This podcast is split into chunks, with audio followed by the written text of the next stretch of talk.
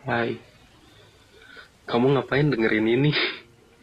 Jujur ini sebenarnya media buat tempat gue curhat doang, ngeluh sama diri sendiri. Tapi kalau emang kamu mau dengerin ya nggak apa-apa. Siapa tahu ada yang bisa diambil juga kan. Di sini kayaknya gue bukan Julpikar yang kamu lihat sehari-hari sih. Bukan Julpikar yang ceria, agak sableng kayak biasanya walaupun tetap freak juga.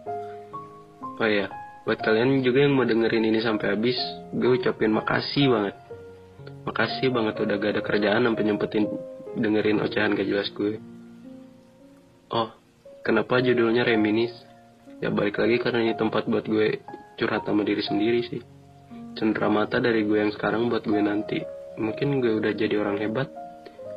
Mungkin juga jadi orang jalanan. Hidup gak ada yang tahu kan. Seenggaknya gue nanti di sana bisa inget pernah ada di sini. Rasanya kalau cerita dari awal bakal panjang banget. Harus balik lagi ke 7 atau 8 tahun lalu.